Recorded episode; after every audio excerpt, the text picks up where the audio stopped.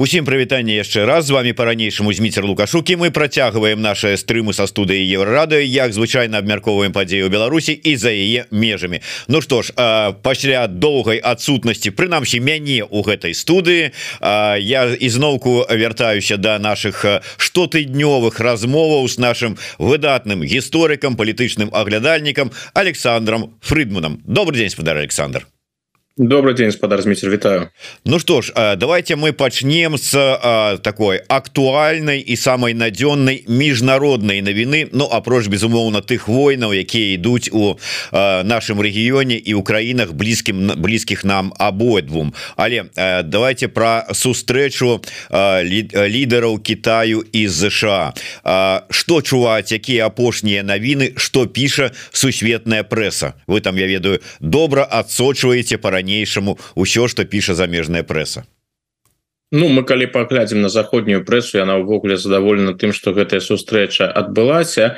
Ніякай такой сур'ёзнай канкрэтыкі пакуль няма. Ну ёсць факт что перамовы яны праводзілі і відаць гэтыя перамовы былі досыць канструктыўнымі то бок из китайскага боку из амерыканскага боку былі адпаведныя заявы.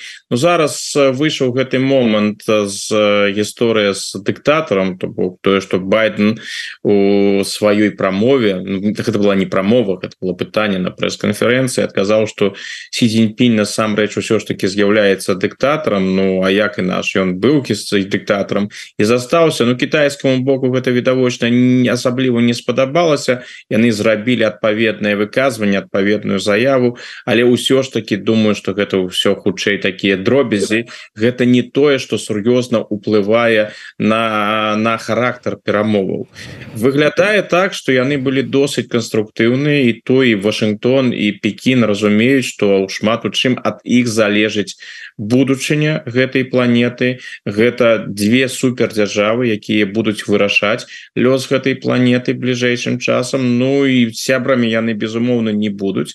Тут пра сяброўства нейкая справа не ідзе. Справа ідзе пра конкуренцию суперніцтва але каб яно заставалася у таких цывілі Ну цывілізацыйных у нармальных рамках не пераходзіла до войнаў і іншае і выглядае так что у гэтым накірунку пэўныя крокі былі зроблены то бок відаць выпрацаванай больш-менш правілы гульні і з боку Вашингтона і з і з боку Пекіна. Ну гэта такі агульны кантэкст нейкіх падрабязнасцяў пакуль няма. Так выглядае что галоўныя пытанні сучаснай э, сусветнай палітыкі і сітуацыю Ізраілі сітуацыю ва ўкраіне яны абмяркоўвалі але відавочна что ўсё ж таки гэтыя перамовы яны вяліся на такім больш глобальным узроўні. Не канкрэтныя падзеі а увогуле будучыня як будуць выбудоўвацца адносіны якім будзе суіснаванне злучаных штатаў і Китая я закрану такое яшчэ одно глобальное пытанне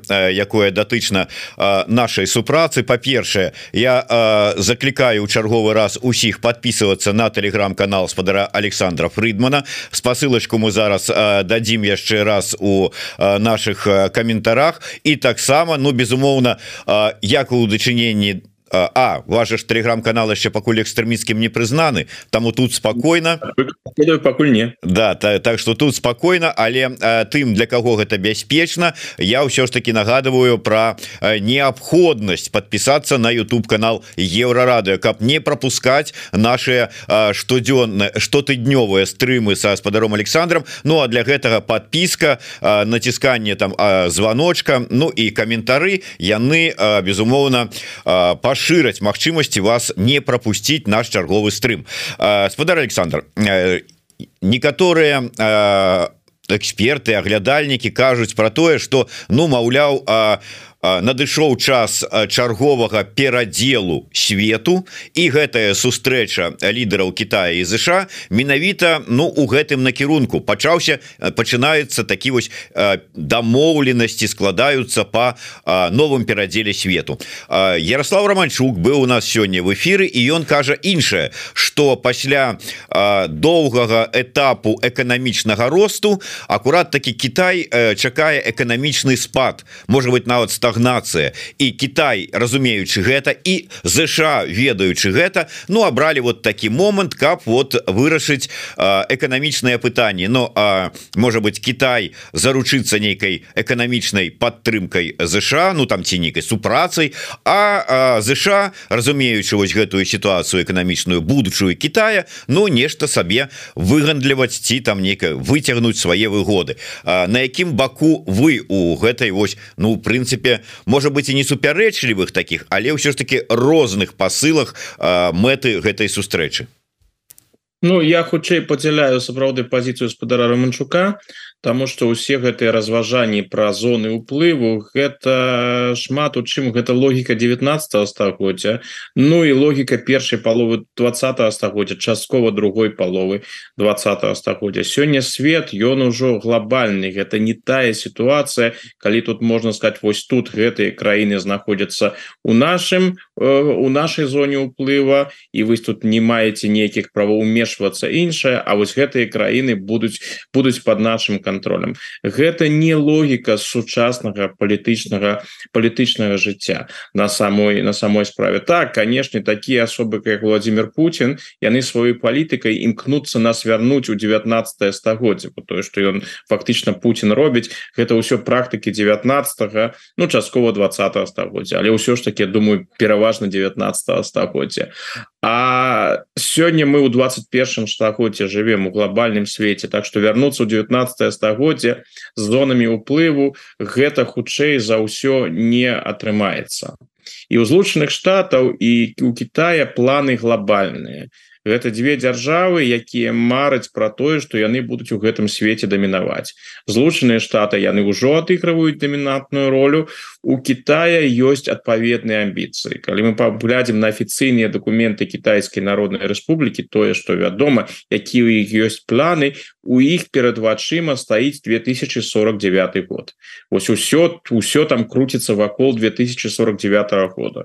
Гэта стагоддзя кітайскай народной Рэспублікі камуністычны рэжым жадае канешне сустрэць гэтае стагоддзе си Цзіньпін дакладна ведае што ён у 2049 годзе не будзе знаходзіцца ва ўладзе але ён хоча зараз пабудаваць падмурак каб Кітай до 2049 года. Конечно там могуць быть складаныя эканамічныя праблемы крызісы і іншае іншае тут мне цяжка разважаць я ўсё ж таки не не не эканаміст але Кітай хоча выйсці на до 2049 года на ўзровень галоўнай дзяржавы гэтай планеты. Китаю патрэбны час. Китаю не патрэбны зараз канфлікты войны і іншае ён хоча паступова і па магчымасці дынамічна развівацца каб вось далей так развівацца ему патрэбна размаўляць са злучанымі штатамі і фазу выпрацоўваю выпрацоўваць ну модус суіснавання злучаныя штаты у сваю чаргу канешне таксама маюць э, справу з сур'ёзнымі праблемамі і сур'ёзнымі выклікамі. Яны таксама не зацікаўлены ў дадатковых канфліктах іншае іншае іншае. Таму у такой сітуацыі трэба размаўляць але не забывацца про тое які праблематычны гэты у Китае рэжым. Байден сказаў тое что ён павінен быў у гэтай сітуацыі сказаць. Ну гэта было б недарэчна калі б ён не назваў кітайскі рэжым дыктатарскі дыктатарскім так гэта дыктатарскі рэжым але вельмі уплывовы рэжым які распаўсюджвае сваю палітычную свой палітычны ўплыў і з гэтым трэба лічыцца. З гэтым трэба не толькі лічыцца з гэтым трэба таксама і змагацца. І злучаныя штаты будуць змагацца.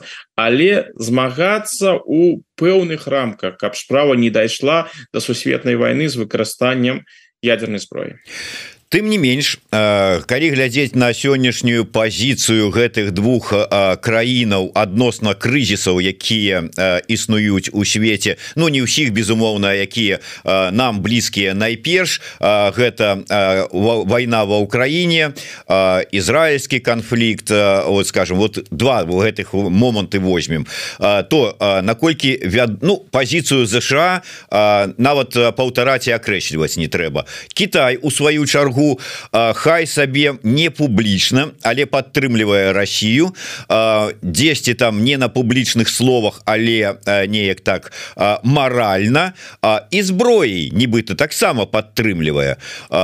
І по по конфликту в Израиле по войне в Израиле таксама китайская позиция ну такая.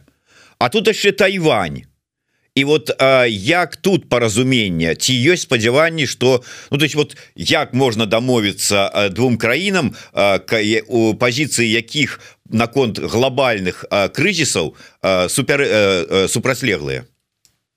Ну гэта сапраўды цяжка так і у першым выпадку украінска-расійскім і ва выпадку ізраільска хамасаўскім Кітай злучаныя штаты прытрымліваюцца розных поглядаў. Злучаныя штаты падтрымліваюць Украіну падтрымліваюць Ізраиль але ізноў жа я б тут не перабольшваў гэтая падтрымка ёсць але і, і ў гэтым выпадку злучаныя штаты пераследуюць перш за ўсё уласныя мэты і яны далёка не супадаюць паміж мэтамі Украі з украінскімі і далёка не супадаюць з ізраільскімі. Что тычыцца Китая ён паводзіць сябе прагматычна ён зацікаўлены ў распаўсюджванні свайго ўплыва у арабскім свеце. Таму стрыманая і спачуваючая пазіцыя ў адносінах да да палестынцаў Ну гэта дапамагае прасоўваць інтарэсы у арабскім свеце. Что тычыцца Росіі Ну Китаю важно мець Россию под сваім контролем і перш за ўсё расійскія расійскія ресурсы то бок вось такое змаганне такія канфлікты будуць працягвацца. І гэта не першы не другі выпадак. Іншая справа что і Пекін і Вашингтон не жадаюць адкрытага военнага супрацьстаяння адкрытага канфлікту паміж гэтымі двумя краінамі. Калі там адбываюцца недзе канфлікты і ты на розных баках гэта одное а другое другая справа гэта ўжо прамое супрацьстаянне. І ў пытанні Тайваня до да гэтага можа сапраўды дайсці. У Пекіне дакладна ведаюць на сённяшні дзень что любая агрэсія супраць Тайваня будзе успрынята амерыканцамі як выклік злучаным штатам. Іншае пытанне что злучаныя штаты будуць насамрэч рабіць? Будуць яны падтрымліваць зброі альбо будуць іншыя магчымасці але але можа справа дайсці да прамога канфлікта і гэта ў пекіне павінны зразумець Я думаю что про гэта і размаўлялі то бок гэта не гаворка про тое что вось мы дамовімся і паміж нами не будзе канфліктаў не это гэта размова хутчэй про тое что канфлікты ёсць канфлікты паміж нами будуць сябрамі мы ніколі не будем мы будем канкурентамі і канкурэнцыя будзе жорсткая але ўсё ж таки мы будем паводзіць сябе цывілізавана мы будем весці барацьбу один супраць другога але пэўныя маральна-этычныя прынцыпы мы будем іх прытрымлівацца. То бок не будзе барацьбе без правілаў. Вось тое что робіць сёння Расійская Федерацыя у дачыненні да Украіны і вот дачыненні да захаду гэта ўжо пэўнай ступені барацьба без правілаў. Няма нейкіх правілаў то бок дзень усё что мне падыходзіць усё я выкарыстоўваю. Ну, у некоторых у которых пытаниях Россия яшчэ стрымліваецца але ізноў жа мы бачым правілаў няма. Ось такого супрацьстаяння с Китаем амерыканцы відавочна не жадаюць. То бок давайте будем конкурировать але заставацца ў нейкіх прыстойных рамках. Я думаю вось гэта была і асноўная ідэя гэтых перамоваў паміж байденом і сі. І можа быть яны пэўны модус і выпрацавалі. Але ізноў жа тут ёсць ёсць пытанні мы ж ведаем у якім становішча знаходзіцца байден. Яго чакаюць у наступным годзе выборы яго перамога пакуль выглядае невідавочнай. То бок з пункта гледжання кітайскага дамаўляцца з байденом гэта такая справа. Сі хутчэй за ўсё яшчэ калі ён будзе здаровы і ўсё з ім будзе нормально ён яшчэ праз 2-3-5 гадоў будзе ва ўладзе. А дзе будзе А хто будзе кіраваць Амерыкай праз паўтары гады Ну гэта на дадзены момант ніхто не ведае Дарэчы я разумею конечно что это птушки абсолютно рознага полета прычым там на некалькі узроўняў нават ніжэй але ўсё ж таки у гэтай усёй на ну как бы новой канфігурацыі якую спрабуюць пабудаваць у сваіх адносінах ЗША і Кітай. У роля месца лукашэнкі і беларускага рэжыма. Нейкім чынам можна абазначыць? Вот ён выйграе проіграе ад гэтых магчымых паляпшэнняў адносінаў ЗША Китая ці не. Ну на фоне того что ён нібыта хоча Ну калі не адчапіцца ад расійскага цягніка але вот так больш шчыльней прычапіцца до да китайскага не сапраўды хоча менавіта гэта прычапіцца до да гэтага китайскага цягніка. Гэта мне падаецца вельмі такая такая трапная трапная метафора і лукашенко ён же таксама як Путін ён разважае у катэгорыях 19 і 20 стагоддзя яго гісторыя гэта гісторыя пра зоны ўплываў. І калі по напрыклад нешта такое адбылося і Беларусь была прызнана зонай уплыва Китая Ну гэта я думаю лукашенко вельмі утешил я сказал Ну вось выдатна цяпер будем развиваться далей под под китайскім под китайскім кіраўніцтвом але ізноў жа я думаю что ніякіх дамоваў вось на гэты конт тэрытарыяльных там не было і і быць і быць не магло.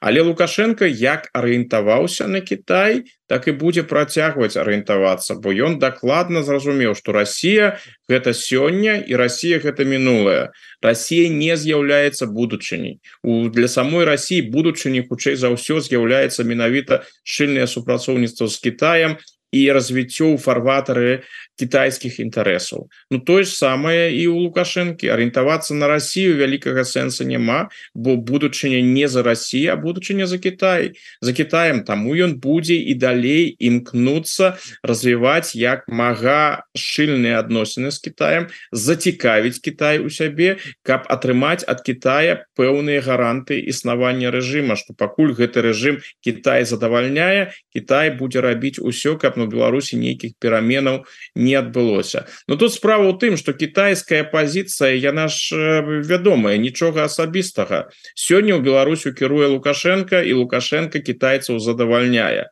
Калі умоўно кажучы гэта будзе зусім іншы чалавек з іншымі поглядамі але яго палітыка будзе суадносіцца з інтарэсамі кітайскімі. Перш за ўсё эканамічнымі яны прымуць гэтага чалавека ім ўсё роўна якім чынам ён прыйдзе да ўлады ці будзе ў Беларусі рэвалюцыя паўстанне. Альбо гэта просто будзе абраны чалавек после лукашэнкі. Ім все роўна іх абсалютна не цікавіць усё что адбываецца ў Беларусі на унутрыпалітычным узроўні. У Беларусі дэмакратыя у Беларусі дыктатура. Размаўляе прэзідэнт Беларусі на беларускай мове альбо вы выкарыстоўвае выключна рускую мову. Гэтые пытанні китайцаў не цікавяць. Калі з боку краіны ёсць жаданне супрацоўнічаць. Ёсць жаданне праводзіць палітыку якая адпавядае кітайскім інтарэсам яны будуць яе праводзіць у незалежнасці ад таго хто там на чале стаіць. Так што вось таких сяброўскіх адносінаў з Китаем у лукашэнкі не атрымаецца. Там прагматызм Але вот э, менавіта з прагматычнага пункту гледжання чым лукашенко сённяшні можа быць цікавы прагматычнаму Китаю лукашенко які фактычна закрыў мяжу заходнюю э, э, закрыў менавіта той кірунак якім лукашэнкаўскі рэжым і Беларусь былі цікавыя Китаю то есть вот э, транзитная краіна перастала быть транзитной. Э, Китаю что? Наадварот он только проблемы стварыў вот э, э, такого прагматычного пункту гледжання проблема у тым заключается что что с пункту не не столькі проблема. Я мне падаецца что китайский бок разважае наступным чынам калі б напрыклад у Беларусі была вось была б сітуацыя у усходнееўрапейскім рэгіёне зусім іншая не было б войны не было б гэтага расійскага ўплыву лукашенко пачаў бы сябе паводзіць так як ён сябе паводзіць Ну тады стаўленне Китая было б зусім іншым.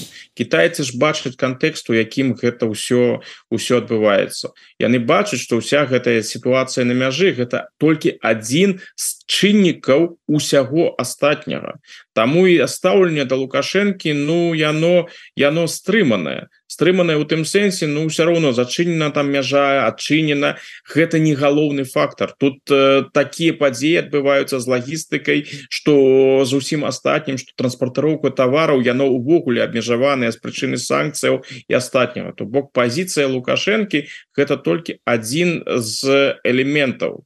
Іншая канешне справа калі мы сябе уявім что сітуацыя будзе поступова паляпшацца у Еўропе не ведаю якім чынам но калі мы просто сябе уявім что будзе такое нейкае паляпшэнне і ў гэты момант лукашенко будзе таким бар'ерам для китайскіх інтарэсаў Ну зразумела яны тады з ім супрацоўнічаць не будуць.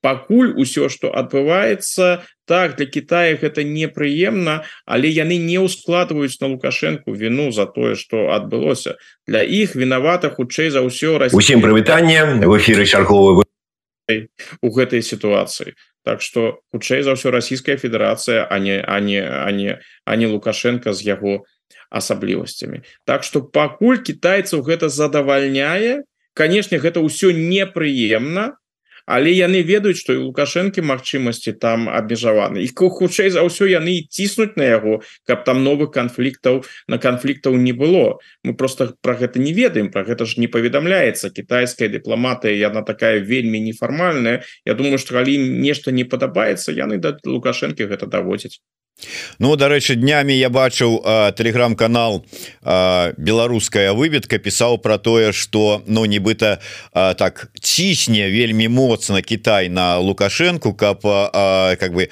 не а, конфронтацыя не павялічвалася на заходняй мяжы і Мачыма з гэтым звязваюць там змяншэнне міграцыйнага крызісу узроўню яго на польскай мяжы. Вы верыце ў такое ці не? Лукашенко ў гэтай сітуацыі і ў гэтым пытанні што-нибудь вырашае Ну, гэтым і праблема что для лукашэнкі что Китай то ён далёка с Китаем супрацоўнічаць лукашенко вельмі прыемна яны не умешваюцца ў нейкія унутры палітычныя справы. Ім не трэба там рабіць нейкія рэверансы адчыняць нейкія помнікі кштальту помніка Александру неўскаму гэта ім не патрэбна гэта ўсё братэрства якое трэба паддэманстраваць заўсёды у дачыненні да Росію гэтага ўсяго з Китаем няма. У гэтым сэнсе тыя краіны якія шчыльна супрацоўнічаюць з Китаем арыентуюцца на Китай яны досыць самастойна сябе паводзяць Ну лепшы прыклад гэта Казахстан. Казахстан под кіраўніцтвам под кіраўніцтвам такаева.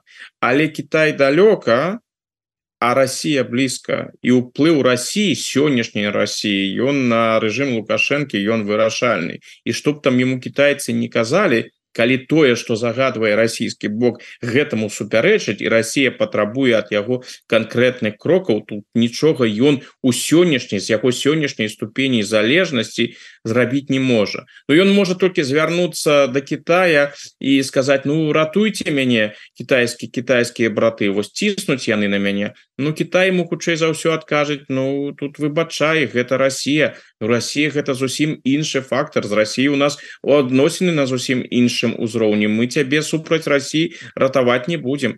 Ты хочаш з нами супрацоўнічаць выдатна але твои адносіны з Россией это твои адносіны з Россией Так что калі там Россия палічыць патрэбным э, пагоршыць ситуацию на мяжы узмацніць міграцыйны крызіс тут тут тут, тут Китай не рабіў то у Россия свайго зможа с лукашенком дамагчыся Ну мы гэта ўжо неаднаразова неаднаразова бачылі. Можа яму гэта і не спадабаецца ён і не жадае гэтага нового міграцыйнага крызіса як мне падаецца. Ён не хоча пагаршаць яшчэ больш адносіны з заходнімі краінамі. Яму гэта эканамічна не патрэбна. Але калі Россия гэта палічыць патрэбным будзе рабіць А, так вот дарэчы мы э, давайте может быть эконом э, та самый міграцыйны крызіс раз уже так бліжэй да яго неяк по заканчэнні фразы.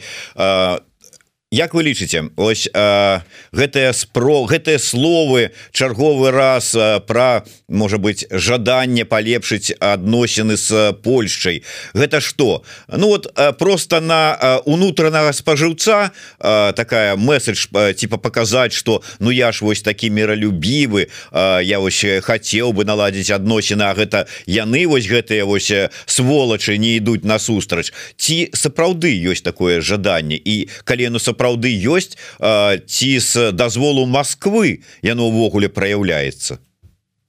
Ну э, тое что там лукашенко яго прамовы тое что он заўсёды паўтарае гэта канешне словы Ну і канешне жаданні. Ну я думаю что лукашенко насамрэч ён хацеў бы каб яго прызнавалі на захадзе ён хацеў бы каб адносіны былі лепшыя яму нават было вельмі прыемна бо ён жа лічыць что гэтыя падзеі двадцатого года яны былі інспіраваны звонкава. Я думаю что ён сапраўды ў гэта верыць хотя б часткова верыць что что гэта ўсё прыйшло з Польши літвы і гэтак далей. То бок калі Польша і літва яго прызналі і зрабілі там нейкія крокі у ягоным накірунку Я думаю яму асабіста гэта было б было б вельмі вельмі прыемна.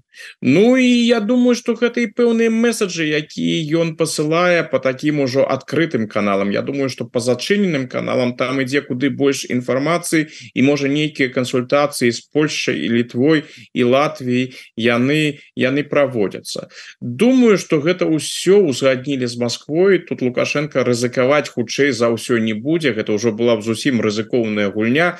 Паспрабаваць там палепшыць адносіны з Польшай без нейкіх дамоўленасцяў з Москвой то ў сённяшніх умовах ну на такую рызыку лукашенко хутчэй за ўсё за ўсё э, не пойдзе. І Мачыма гэтыя нейкія крокі яны з Москвой былі санкцыянаваны. Ну таким накірунку. Ну паспрабуй ну паглядзі ну паразмаўляй з імі. Ну там зрабі там нейкія рэверансы. Паглядзім паглядзім что будзе. Насамрэч пакуль жа за межы прапаганды нічога не выйшла з адна і гэта і гэтая прапаганда яна і прынцыпова не змянілася. Ёсць лукашенко які з аднаго боку робіць раз пораз гэтыя рэверансы і з іншага боку А что мы читаем у дзяржаўнай прапагандзе что мы там бачым что антипольская рыторыка знікла антилітоўская рыторыка знікла нікуды яна не знікла. Яна засталася на тым же ўзроўні і нават фармулёўкі лепшымі лепшымі не сталі. Так что якасна нічога прынцыпова пакуль не змя змянілася і на нейкія крокі беларускі бок і не пайшоў пакуль ідзе просто вось такая гульня. А калі б ён зрабіў нейкія крокі ад яго адпавед які ад яго адпаведна чакаюць напрыклад там вызваліў бы каго-небудзь з палітвязняў напрыклад Анджя пачобута. Чаго сапраўды чакае ад яго польскі бок? То канешне гэта магло пасадзейнічаць усталяванню хотя пэўнай маленькой атмасферы даверу. Ну пакаж нічога такого няма. Ёсць просто жаданні ёсць словы а словы застаюцца словамі. Давайте можа быть яшчэ да іншых тэмаў. І тэма пашыняна ерывана і адКб Як вы гэта ацэньваеце?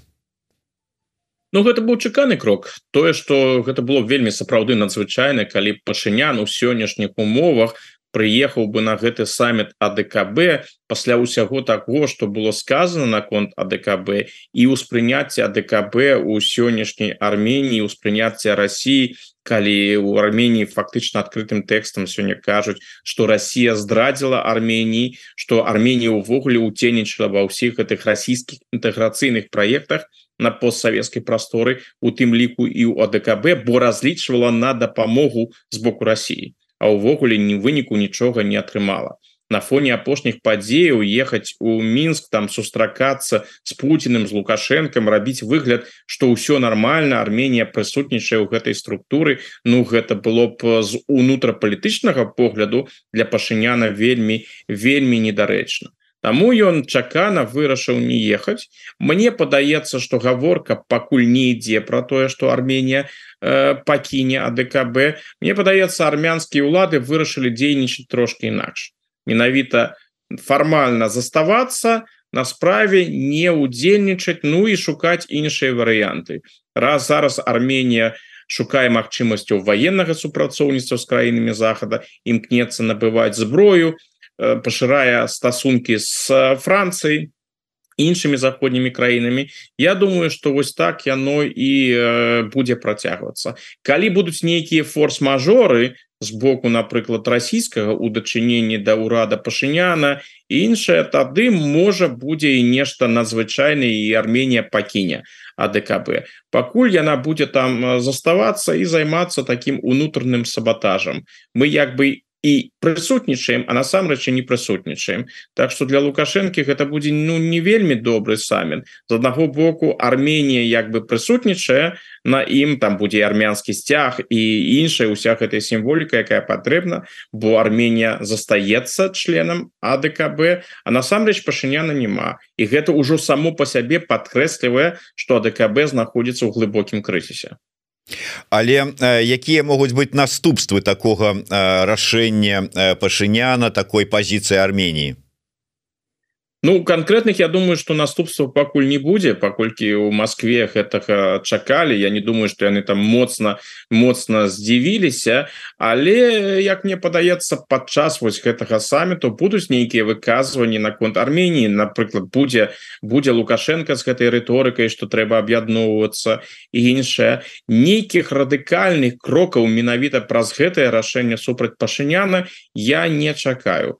Але ўсё ж таки вось гэтая тэндэнцыя тенденция паспрабаваць скінуть пашыняна і правесці да ўлады тыя э, сілы у Арменії якія больш прыязна будуць ставіцца да Росіі больш лояльна будуць ставіцца да Росіі Я думаю что гэты тренд у Росіі ўжо зададзены яны будуць гэта спрабаваць рабіць і пашынян гэта ведае. Пашынян з пункту гледжання Росіі гэта здраднік.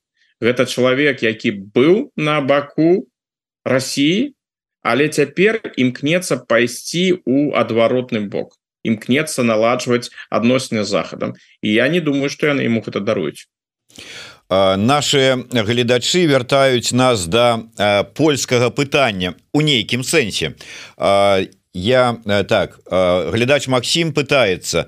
Вітаю у Польшчы выйшла кніга про вайну ва ўкраіне аўтар распавядае что нібыта лукашенко шукаў магчымасць уцячы з Беларусі у Польшчу Мачыма такое? Я вось пашукаў сапраўды а пишутць выйшла у Польшчы кніга под назвай польска на войне польска Польша у вайне журналіста збігнева парафінович по парафяновича так. І э, там э, спадар парафянович э, прыводзіць цытату цытату такая польская публіцыста Філіпа домпа міроўскага які піша так я перак так про тое что нібыта лукашенко на до такой ступені спалохаўся магчымага развіцця падзеяў вось гэтай войны на самом яе пачатку что по розных каналах пытаўся ў варшаве ці дазволіць яму перасекчы мяжу а потым вылецець з бліжэйшага аэрапорта. Так вось ці магчыма чаму такое? Ну тое что спужаўся думаю так сапраўды спужаўся. Хутчэй за ўсё яго не праінфармавалі про то як будзе будзе ісці. Спужаўся ён відаць тое того что той сцэнар на які ён разлічваў у выніку войны ось тое что ён потым усё гэта паўтараў там Кіев за два тыдні альбо за тры дні что гэтага нічога не адбылося. Таму Мачыма спужаўся. То тэарэтычна канешне уявіць сябе што расійскія войскі прысутнічалі ў Беларусі таму пакінуць Беларусь было складана б яму менавіта з Беларусі но тое што ён менавіта жадаў гэта зрабіць праз Польшу Ну гэта выглядае як так ну досыць фантастычна лукашенко ж дакладна ведае что калі ён перасячэ сапраўды беларуска-польскую мяжу і апынецца на тэрыторыі Польшчы то нічога добрага яго ў гэтым выпадку не не чакала. Ніхто б яму там не дазволіў бы куды-нибудь паляцець яго хутчэй за ўсё б арыштавалі б на тэрыторыі Польшчы з усімі астатнімі рэчамі якія якіх ён так моцна баится Так что не думаю я шчыра кажучы что ён гэта вось нейкім чынам э, нейкім чынам на гэты конт разважаў что Польшу разглядаў у якасці там магчымага мячы магчымага перавалачнага пункту. Ну выглядае гэта вельмі вельмі фантастычна. Я хацеў бы да вас звярнуцца з вами як з гісторыкам абмеркаваць тэму таксама того что адбываецца у Беларусі з іншага так аспекту. Не будемм нават абмяркоўваць сітуацыю калі ваш калега у марзалюк схіляе галаву перад помнікам стаўленіку маскоўскага стаўленіку татара-мангольскага іга у Москве. Але тым не менш про Дуніна Марцінкевича узгадываецца параль такая дэжавю гістарычная складаецца. 19 стагоддзя акупацыйная улада расійскай імперыі у Беларусі прызнае забараняе творы Дуніна Марцінкевича сам ён трапляе на акрэсціна на суткі потым становіцца фігурантам крымінальнай справы потым трапляе Ну я так сучаснымі тэрмінамі кажу на хатнюю хімію. І 21 стагоддзя адміністрацыя якая таксама вельмі станоўча ставіцца да маскоўскай улады таксама прызнае экстрэмістам творы экстрэміскімі творы Дуніна Марцінкевича Пра што это сведчыць? Вось у вас як у гісторыка якія паралелі якія высновы вы маглі зрабіць бы з гэтай сітуацыі Ну насамрэч гісторыя яна яна вельмі цікавая гэты паралелі магчымыя як у 19 19 стагоддзе барацьба з дунным марцінкевичем яна ж ішла як частка барацьбы з польскім рухам на, на тэрыторыі Беларусі на так і сёння таксама Дунін марцінкевич ён жа не ўспрымаецца сённяшнімі беларускімі ўладамі тым больш найбольш актыўнымі прапагандыстамі шэрагу гэтых уладаў ён не ўспрымаецца як беларускі аўтар ён успрымаецца як чалавек які насаджаў польскія ўплывы і увогуле яго беларускае паходжанне ставіцца под пытанне. Я ж бачу гэтай прапагандысцкай публікацыі дзе там падкрэсліваецца што ён увогуле паляк. Ну і таму тое что польскага пісьменніка ў двукосці з польскага пісьменніка зрабілі экстрэміста і як і правадніка чужых ідэяў і ідэалаў Ну гэта выглядае так упэўн пэўная логіка тут тут прысутнічае тым больш што вялікай прыязнасцю Дунін марцінкевич да Росіі зразумела не ставіўся і у сённяшніх прарасійскіх наратывах месца для яго фактычна фактычна няма но мне падаецца что тут яшчэ ёсць і такая такі асабісты асабісты чыннік. Вось мы калі мы паглядзім сённяшніх найбольш актыўных прапагандыстаў напрыклад тых якіх ёсць гістарычная адукацыя пэўная яны ж вельмі цікавяцца пытаннямі 19 стагоддзя паўстаннем 1863 64 года. Яны у гэтай тэме існуюць. І вось для іх гэтая барацьба з каліноўскім барацьба з паўстанцамі барацьба з ідэямі паўстанцаў барацьба з дуненым марцінкевичем як таксама фігуры 19 стагоддзя. Для іх гэта яшчэ у тым ліку такое нешта асабістае. Яны імкнуцца узяць гістарычны рэванш. Вось тое что не атрымалася раней знішчыць памяць там про каліноўскага знішчыць памяць про паўстанне. Ось зараз яны імкнуцца гэта зрабіць і ў гэтым рэчышчы трэба разглядаць і справу Дуніна марцінкевича что насамрэч вельмі цікава гэта гісторыя з каліноўскіх з аднаго бока вось гэтая жахлівая такая інтэнсіўная кампанія супраць каліноўскага але пакуль по-ранейшаму у тым жа мінску існуе вуліца каліноўская цікава як яны будуць з гэтай сітуацыі выходзіць. З аднаго боку каліноўскі ўжо на сённяшні дзень гэта паляк у двукосі гэта вораг а вуліца по-ранейшаму існуе і пакуль я тут не чуў каб нехта збіраўся гэтую улицу перайменаваць. Як яны выйдуць з гэтай сітуацыі?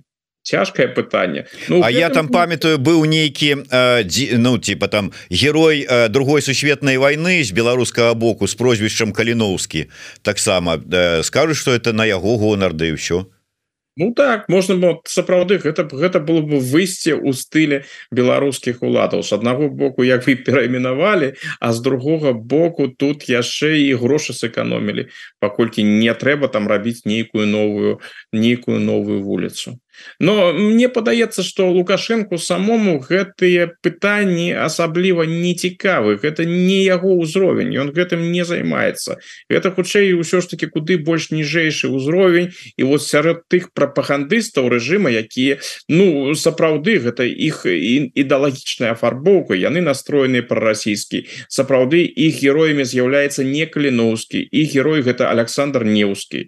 І іншыя фігуры з расійскай гісторыі які якія ніякага фактычна дачынення да Беларусі не маюць гэта рускі свет у якім яны жывуць і вось гэтыя людзі у якіх сёння ёсць магчымасці якія знаходзяцца пры ўладзе якія могуць уплываць на прапаганду яны прасоўваюць яны карыстаюцца гэтым зручным момантам і прасоўваюць свае погляды на гісторыю Ну вось калі мы паглядзім на дзейнасць також Вадзіма гігена тое что ён зараз прасоўвае вось гэтая гістарычная палітыка на якую ён уплывае гэта перш за ўсё яго уласны светапогляд які вядомы Ну калі ён пачаў друкаваць свае артыкулы там ужо быў гэты светапогляд. Ён у гэтым сэнсе паслядоўны паслядоўны чалавек. Ён заўсёды быў так званым заходнерусістам. Ён і застаўся заходнім русіст заходнерусістам. І зараз у яго ёсць такая дакладная добрая магчымасць свае погляды прасоўваць.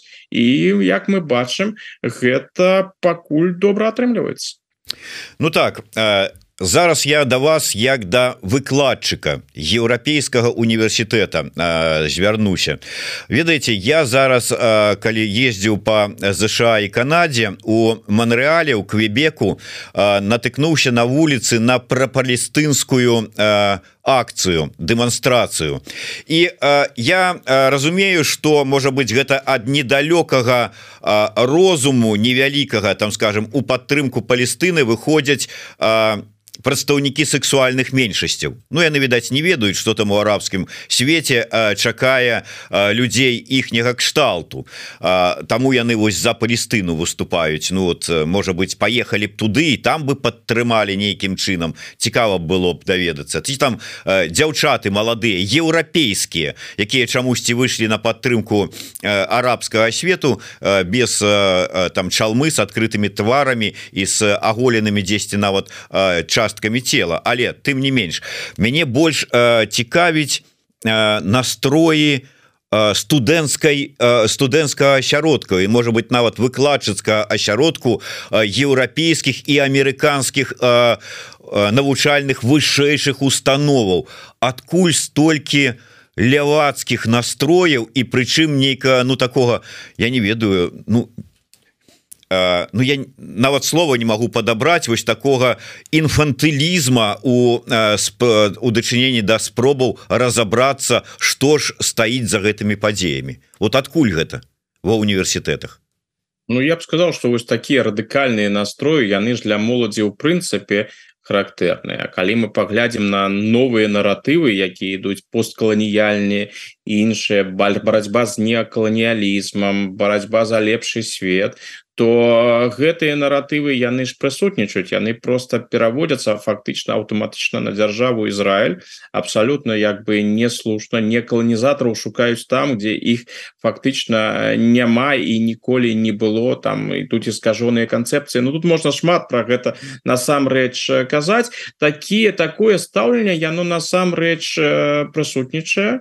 Свае уласныя уяўленні якія прысутнічаюць іх пераводзяць на іншых і часто гэта недарэчна. Усе гэтыя уяўленні про нейкую там продвинутость назовем гэта так розных палестынскіх функцыянераў тое что там ідзе нейкая барацьба за свабоду іншая Ну гэта мягко кажучы вельмі перабольшана А паколькі прапаганда з боку таго ж хамасу працуе вельмі ўплывова і ёсць адпаведная дапамога і з боку з китайскага боку і з расійскага боку то вось гэтыя наратывы яны насамрэч прасоўваюцца але ты і тыя жахлівыя жахлівыя фотаздымкі відэо якія прыходзяць з блізкага ўсходу сапраўдныя інсцэніроўкі гэта шмат кому так вельмі уплывае гэта сапраўды уплывае на значную колькасць людзей якія не разбіраюцца ў гэтым канфлікце не жадаюць разбірацца і становятся просто на пэўны бок які ім падаецца больш сімпатычным яны асабліва не разважа не разважаюць вы вы узгадалі прадстаўнікоў лгбт супольнасці Ну было б вельмі цікава сапраўды ім задаць пытанне А ці ведаюць яны што-небудзь пра становішча лгбт людзей напрыклад у тым же сектары газа прастаўленне хамасу для гэтых так гэтых людзей. Я думаю что яны просто на гэтае пытанне бы не адказалі бо яны нічога не ведаюць. У іх ёсць такія урывачныя прадстаўленні про тое что адбываецца яны кіруюцца гэтымі гэтымі прадстаўленнямі. Так что тэндэнцыі яны такія прысутнічаюць. Сапраўды і сярод выкладчыкаў такое такое ёсць адмоўнае рэзка адмоўнае стаўленне да Ізраіля якім бачуць такі сімвал сучаснага некаланіялізму. З іншага боку і сярод студэнтаў хапае людзей якія якія просто спачуваюць якія лічаць что э, палестынскі бок вядзе справядлівую барацьбу А гэта яшчэ ў пэўным сэнсе барацьба Давіда з галіафам у тым сэнсе што ізраільскі бок ён куды больш моцны чым бок палестынскі таму там асіметрычная ідзе барацьба. І гэта таксама падкрэслівае гэта гэта таксама вядзе к таму што сімпатыя да палестынцаў узмацняецца і у іх бачыць перш за ўсё ахвяраў а ізраильская армія лічыцца злачынцамі. Ну і канешне антысемітызм які прысутнічае ў злучаных штатах і ў Еўропе. Яго таксама ніхто ніхто не адмяняў. І антыізраильская рыторыка яна выкарыстоўваецца для распаўсюджвання э, для распаўсюджвання таксама як магчымасць распаўсюджваць і антысеміцкія тэзісы. Ну калі ўжо ўзяць у Еўропу караценька то сітуацыя ўсё ж таки адрозніваецца. Напрыклад калі мы возьмем Великабрытанію альбо Францию Францыю то там гэтыя тэндэнцыі вельмі моцныя пра палестынскі як і ў злучаных штатах. У Геррманіі сітуацыя больш стрыманая гэта звязана з нямецкім з нямецкім мінулым. Таму таксама гэтыя сімпатыі яны прысутнічаюць яны яны відабочныя але яны пакуль не выйшлі на такі ўзровень як гэта ёсць у злучаных штатах у Великабрытаніі альбо ў Францыі. Ну так сапраўды калі э, думаць не галавой а, а эмоцыямі то тады можна канешне не раздумваючы выходзіць на розныя там акцыі ў падтрымку асабліва калі цябе накачалі прапагандай. Але вось гледзячы на ж вот добра адсочваеце сМ адкуль за якія грошы ці вот дзякуючы чаму такая вялікая хваля менавіта пра палестынскай прапаганды ідзе ну фактычна па ўсіх сродках масавай інфармацыі Ну ёсць э, моцныя гульцы якія стаяць на палестынскім баку нават адкрыта на хамасаўскім баку якія зацікаўлены ў распаўсюджванні гэтых наратываў.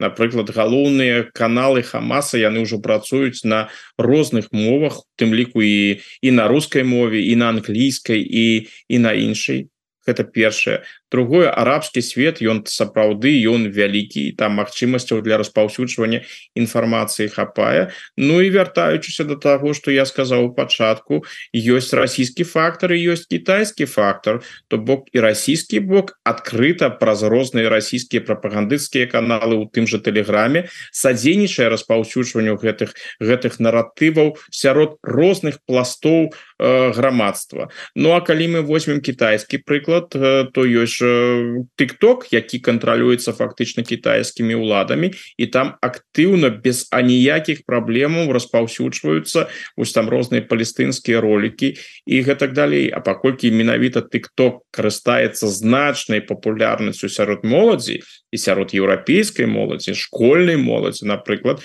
то іх дасягаюць гэтая гэтая прапаганда іх дасягае э, такога э, крытычнага мыслення шмат у каго няма і жаданне разбірацца ў гэтай сапраўды складанай сітуацыі. Блізкаўсходні канфлікт ён вельмі складаны і вельмі супярэчлівы. Жаданне ўсё гэта разглядаць і розныя бакі узвешваць няма. Цябе прапаноўваецца зусім канкрэтнай камалюнак ты за каго ты за узброеных вайскоўцаў альбо ты за палясцінскіх дзяцей якіх там забіваюць іншай іншай іншай то калі чалавек стаіць перад гэтым выборам Ну звычайна чалавек калі у яго няма нейкіх інтарэсаў і нейкага жадання разбірацца ў сітуацыі то ён робіць свой выбор і гэты выбор канешне галоўным чынам не на карысць ізраильской арміі. Ну гэта чакана тут нічога такого неспадзяванага няма. Просто зараз гэта выйшло гэта было ўсё і раней. Это ўсё прысутнічала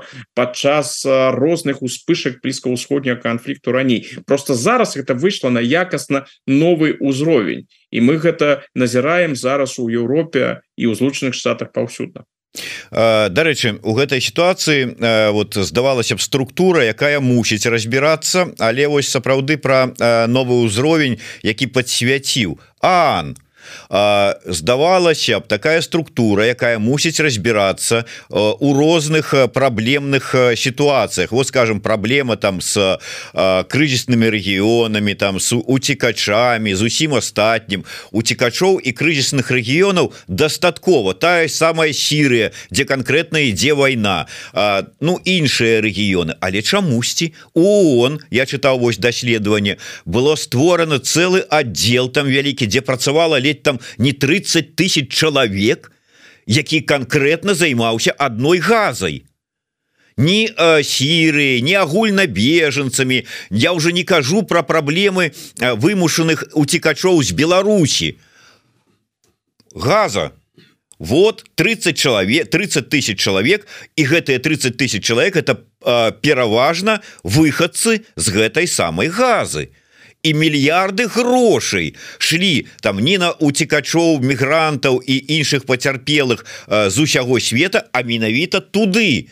І вот на тэрыторыю дзе там 40 квадратных міляў 150 міляў подземных катакомбаў і нейкая зброя это вот как вот разумець? І што пасля гэтага думаць і гаварыць про ан Ну, дарэчы з ролю Аан у гэтай ўсёй гісторыі павінна трэба будзе разбірацца паколькі там сапраўды яна вельмі супярэчлівая. Это тычыцца і супрацоўнікаў ан якія знаходзяцца па-за межамі сектора газу і ты что знаходзіліся там.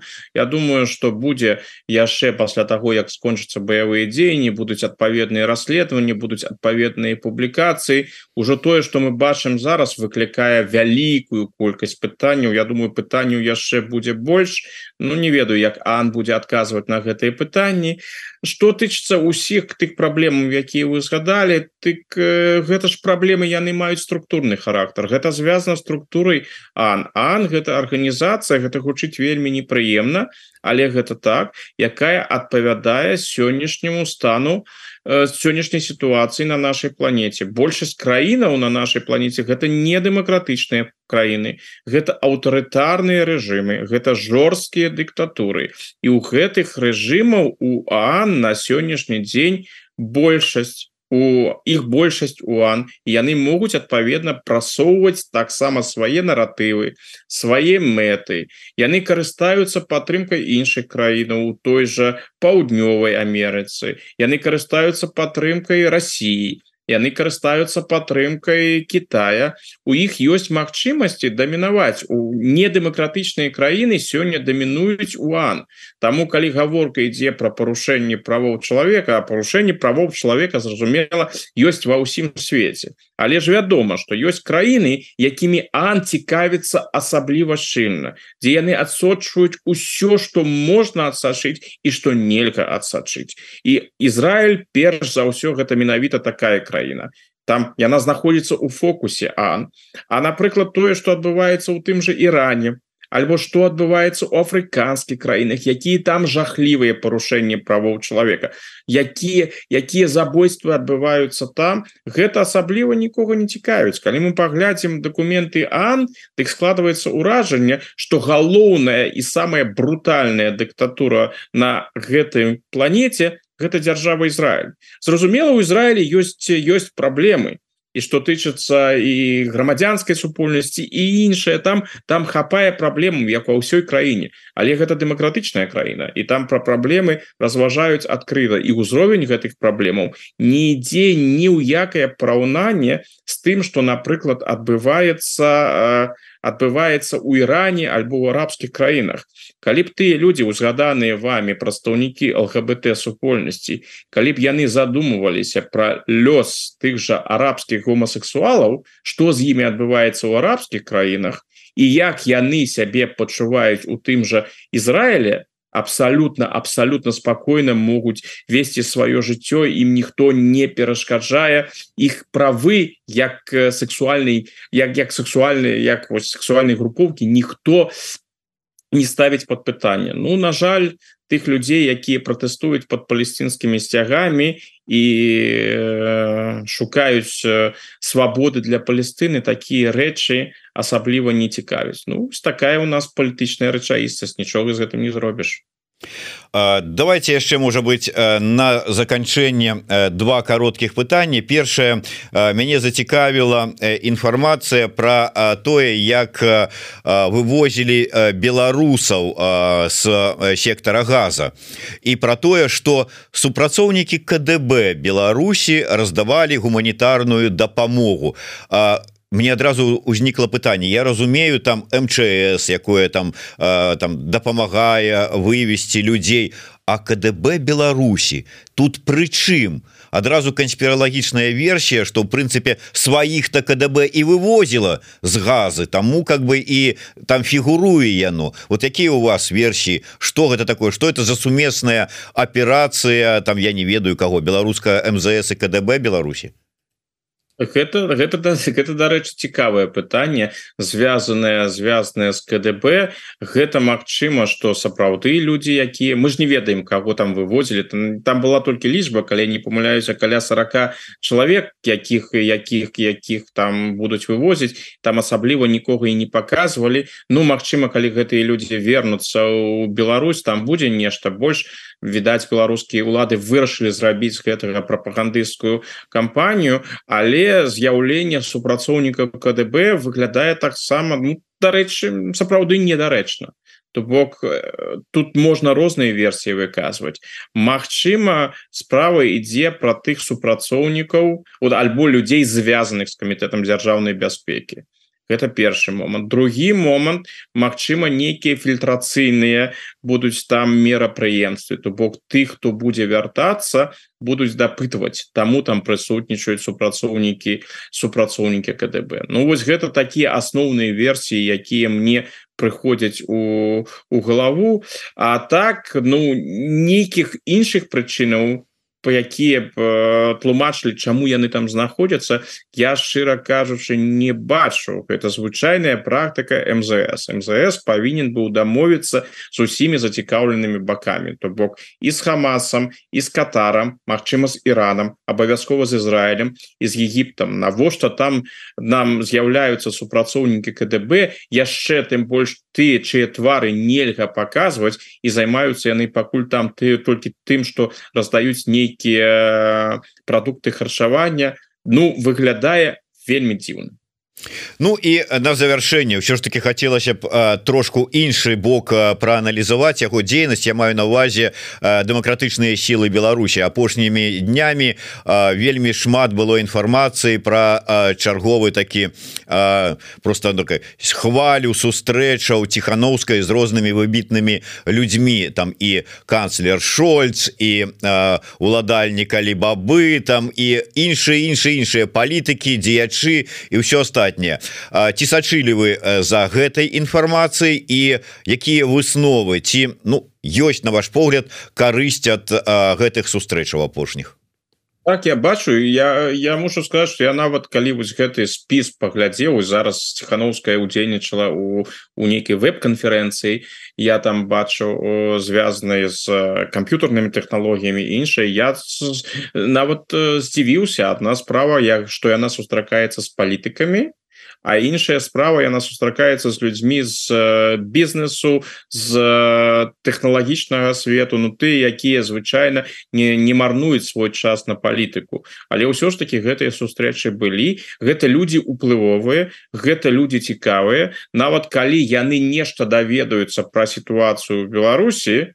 і можа нават потым пасля такой сустрэчы нешта напишутць про Беларусь у сваіх сацыяльных сетках то гэта уже ў гэтым есть пэўны вынік і ў гэтым ужо ёсць пэўны сэнс. То бок э, гэтыя сустрэчы як у сэнсе папулярызацыі інфармацыі пра становішча ў Беларусі іх можна канешне лічыць паспяховымі. Іншая справа практычны вынік ці зменіць гэта якімсьці чынам сітуацыю у Беларусі паўплывае гэта на сітуацыю Беларусі? Ну конечно асабліва не. Но лукашенко думаю будзе вельмі непрыемна.